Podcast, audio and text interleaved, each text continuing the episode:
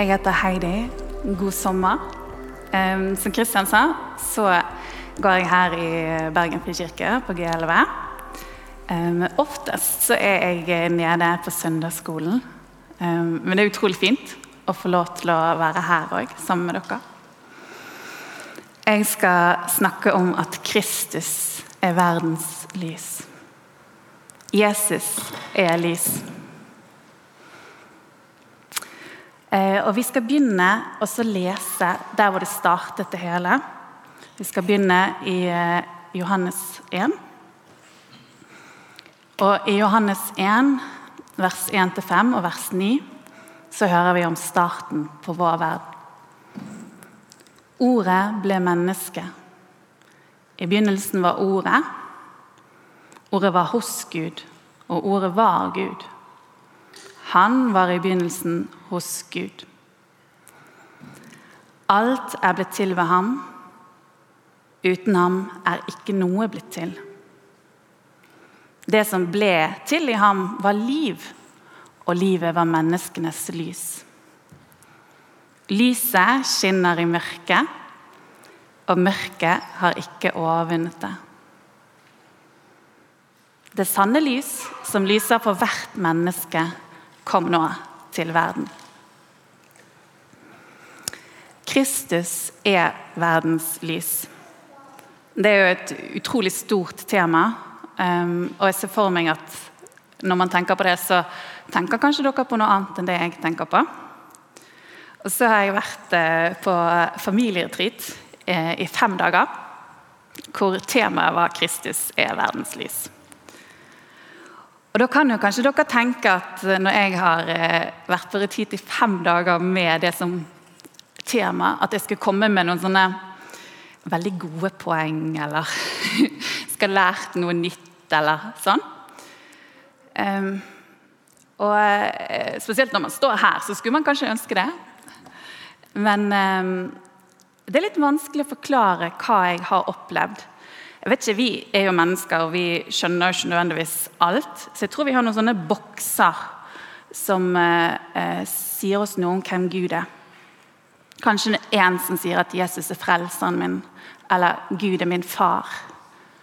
Og en som sier at Jesus er lys, eller Kristus er verdens lys. Og I løpet av de fem dagene så tror jeg på en måte at den, den boksen min da, at den har blitt større, videre og så Samtidig så tror jeg kanskje at den boksen har gått fra noe sånn litt teoretisk til noe som er erfart, noe som er opplevd, noe som um, er litt mer integrert i meg som menneske. Ja. Sånn at vi skal på en måte titte litt på det at Kristus er verdens lys, sammen nå, da. Og Vi leser her i Johannes i vers 3. Alt er blitt til ved ham. Uten ham er ikke noe blitt til. Det som ble til i ham, var liv, og livet var menneskenes lys. Så Johannes skriver på en måte at liv og lys det henger sammen. Og han, ordet, Jesus, han som gjorde at hele verden ble til Samtidig er han menneskenes lys. Og så I vers 9 så leser vi at det sanne lys, som lyser for hvert menneske, kom nå til verden. Hvert menneske.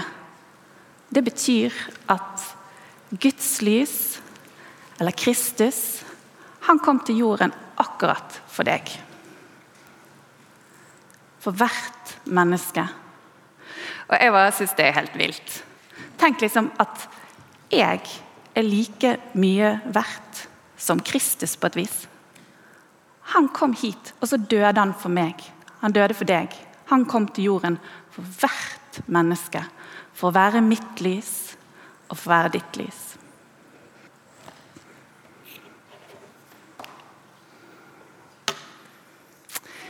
Jeg hadde en farmor eh, som levde til hun var 91. Eh, og Farmoren min hun eh, ble født og oppvokst på Nøtterøy. Eh, og Det er en øy utenfor Tønsberg på Østlandet. Eh, og det er et veldig sånn ferieolder, eh, feriested hvor det er masse hytter, masse sol, masse strender. Og farmor hun elsket solen. Men så har jo livet seg sånn da, at eh, hun endte opp med å bo mer enn 50 år i Bergen. Og hun, hver eneste vinter av de 50 årene så lengtet hun til Nøtterøy. Hun lengtet etter sol. Hun var det man kaller på fagspråket, hun ble litt vinterdeprimert. Ja. Sånn at hun, hun drømte om Nøtterøy. Og så Hver sommer så eh, hadde hun en hytte, eller hun og farfar, da, som de kalte for Guds gåva. Og den var på Nøtterøy. Sånn at hun fikk gjerne være der sånn to-tre måneder om sommeren. Men etter hvert så ble hun eldre. Um, hun kunne ikke være der to-tre måneder lenger. Hun måtte ha noen med seg.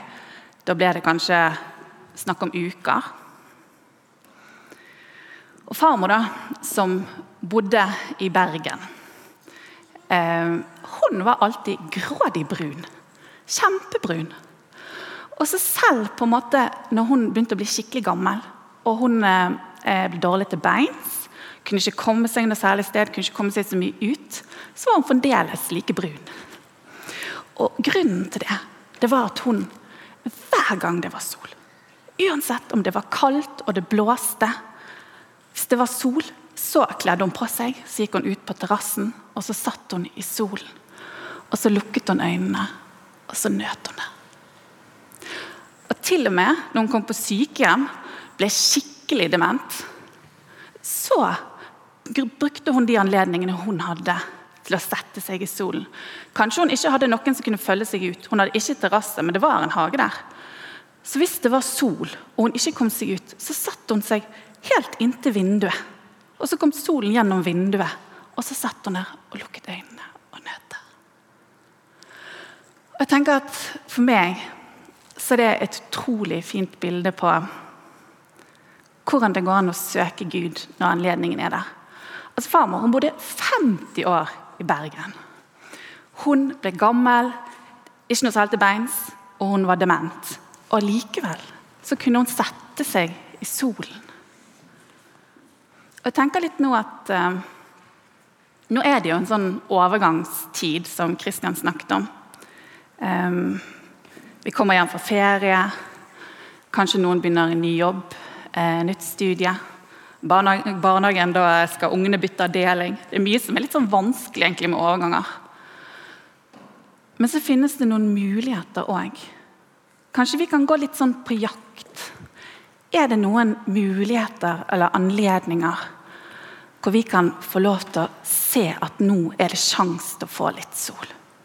Hvor vi kan få lov til å stoppe opp og sette oss i lyset?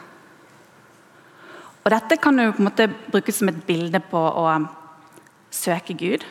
Eh, og det gjør vi jo på forskjellige måter.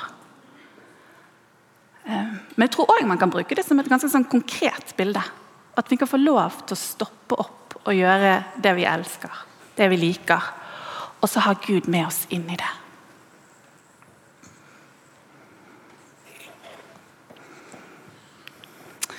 Nå skal vi lese om den blinde mannen Bartimeus. Da leser vi i Lukas 10, og det er vers 46-52. De kom til Jeriko da Jesus dro ut av byen sammen med disiplene og en stor folkemengde. Satt en blind mann ved veien og tigget. Han het Bartimeus, sønn av Timeus. Da han hørte at det var Jesus fra Nasaret som kom, satte han i å rope. Jesus, du Davids sønn, har barmhjertighet med meg. Mange snakket strengt da han sa og ba om tie, men han ropte bare enda høyere. Du Davids sønn, har barmhjertighet med meg.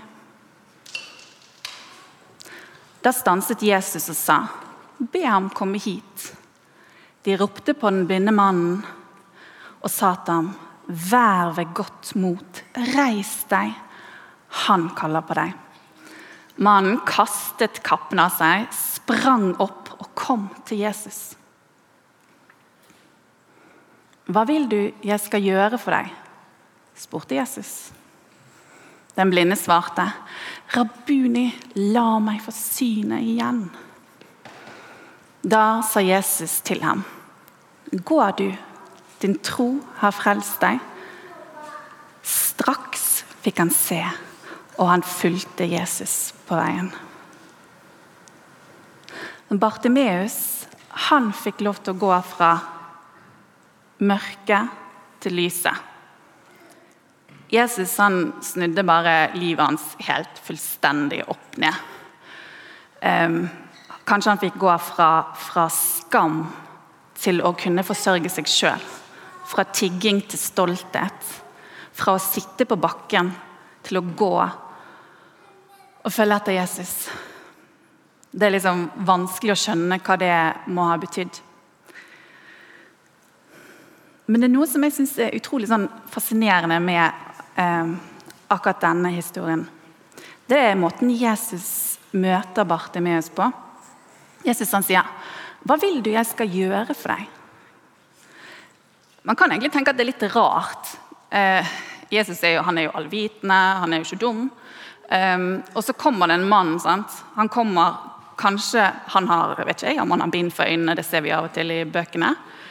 Eh, kanskje noen leide han for at han skulle komme fram. Det var veldig tydelig at han var blind. Og da er jo det kanskje et litt dumt spørsmål. Hva vil du at jeg skal gjøre for deg? Men jeg tror òg at det er et spørsmål som handler om respekt. Det handler om et valg som Bartimeus får lov til å gjøre for livet sitt sjøl. Ehm, det handler om nysgjerrighet. At Jesus er interessert i hva Bartimeus ønsker. Og at han på en måte ser mer av Bartimeus enn at han er blind. Og det, det er utrolig kult. da. Hæ? Kongenes konge. Han er interessert i deg. Han har respekt for deg. Han lurer på hva du ønsker deg. Jeg tror han kan spørre oss òg. Hva vil du at jeg skal gjøre for deg? Hva vil du at Jesus skal gjøre for deg i dag? Og Så kan vi òg få lov til å spørre tilbake.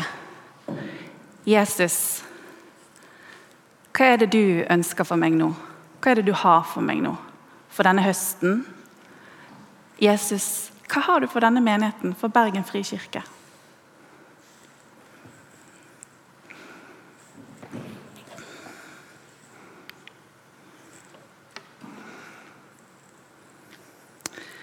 Og med det der å ha forventning til et eh, nytt semester eh, Så er det en del ganger i kirken her de siste årene så har vi sunget en lovsang hvor eh, broen har vært Vi har mer i vente, det beste foran oss, for vår Gud er med oss. Vi har mer i vente, det beste foran oss, for vår Gud er med oss. Og For meg så har det eh, det har vært mange ganger vanskelig å synge det. Vanskelig å tro det. Jeg har på en måte opplevd at eh, det beste, det har allerede vært. Og disse forventningene mine har på en måte eh, blitt slått til bakken så mange ganger. Men jeg tror, jeg tror likevel at det er sant. Og jeg vet at når Gud er med meg, hvem kan da være mot meg? Og at vi skal få lov til å ha forventning til, til livet. Og til hva Gud kan gjøre i livene våre, og hva Gud kan gjøre i kirken vår. Mer i vente. Eh, jeg fortalte litt om farmoren min i sted. Og så har jeg tenkt å fortelle litt om bestefar òg. Han ble 89, eh, og fem år før han døde, så snakket han med mammaen min eh, datteren hans. da. Og Hun spurte et sånn form for spørsmål som var noe sånt som Ja, nå har du levd et langt liv, og du har kanskje ikke så lang tid igjen. Er det noe du eh, har lyst til å oppleve? Eh, noe du på en måte mangler du skulle ha gjort, eller noe du ønsker deg? Um, så på en måte så stilte hun jo et sånn bucketlist-spørsmål. Er det noe mer du skal ha gjort før du dør? Kanskje du kan gjøre sånn, sånn, sånn.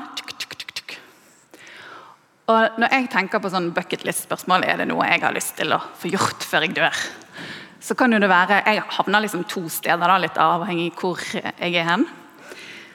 Og Det ene stedet er liksom Jeg har lyst til å reise til Afrika. Der har jeg aldri vært. Vært mange steder, men ikke i Afrika. Eller jeg har lyst på en flat, stor hage hvor jeg kan dyrke masse. Um, og så Andre dager så kan jeg på en måte være litt der at vet du hva, Jeg vil bare hjem til himmelen. Åh, det blir så deilig. Jeg vil bare hjem til himmelen. Det blir så deilig. Men bestefar, da, han, um, denne samtalen den foregikk på engelsk. da. Um, sånn at han tenkte seg litt om. Og så sa han til mamma Let my light shine. Let my light shine. Det han ønsket å gjøre før han døde, var å la Kristus sitt lys stråle ut, så andre mennesker fikk se det. Let my light shine. Og Det syns jeg var litt fint, da. og jeg bare drømmer om at det ønsket som bestefar hadde, at det skal på en måte bli større og større og mer dominerende i livet mitt. At uh, Afrika og Flathaget uh, ikke skal være så viktig. Men at det som kommer, dukker opp. Hvis det er litt sånn hva, hva er det du ønsker? Så skal det være det.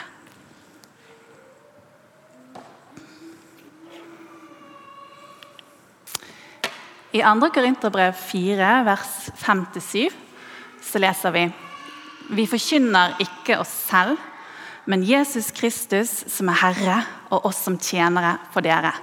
For Jesus skyld. For Gud som sa 'lys skal stråle fram fra mørket', han har også latt lyset skinne i våre hjerter, for at kunnskapen om Guds herlighet i Jesu Kristi ansikt skal lyse fram. Men vi har denne skatten i leirkrukker. Fordi at den skal være fra den veldige Gud, og den ikke skal være fra oss selv. Så OK. Um, vi har denne skatten i leirkrukker.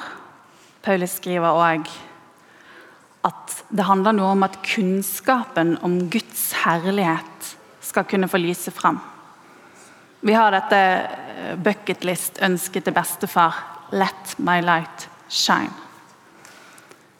Hvordan gjør vi det? Hvordan lever vi sant, sånn at de sprekkene i leirkrukken, som er et bilde på mennesket, um, vises, sånn at lyset får komme ut? Hvordan deler du ditt lys der hvor du er i din hverdag?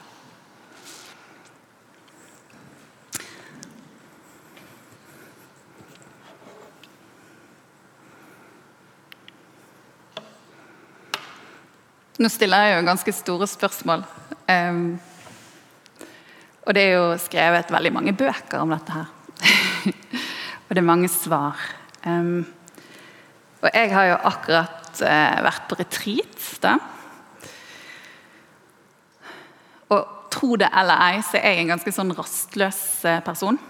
Jeg um, liker veldig godt å få gjort ting. Jeg er veldig glad i sånne lister. Skal få gjort sånn, sånn, sånn, Og elsker å sjekke dem, sånn at jeg har fått gjort det. Um, jeg har mer fokus på det jeg ikke har gjort, det jeg skal få gjort, enn det jeg allerede har gjort. Og da har jeg på en måte sånn fokus på det jeg skal få gjort. Har det gjerne litt travelt. Sånn at for meg å eh, dele Kristi kjærlighet, dele det lyset han har gitt meg, så tror jeg i hvert fall noen ganger så handler det om å faktisk å stoppe litt opp. Tenke at alt det der som jeg syns er så viktig, det kan faktisk bare få vente litt. Her er det en mulighet. En mulighet jeg kan gå på jakt etter og få sette meg i solen.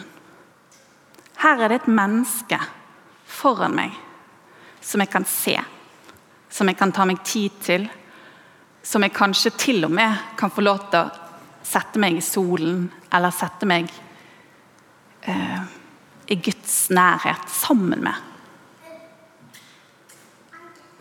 Og jeg tror at hvis jeg skal se disse mulighetene, hvis jeg skal gripe den sjansen, se det mennesket, så må jeg lytte. Det er grådig vanskelig. Jeg liker å prate. Men jeg må faktisk stoppe opp og lytte. Lytte til Gud. Og lytte til andre mennesker. Ja. Så se etter mulighetene i overgangene til å sette deg i lyset. Til å la ønsket om at ditt lys i deg, Kristus lys i deg, skal få lov til å skinne som et større og større ønske og et større og større lys. Og sette deg i solen sammen med et annet menneske.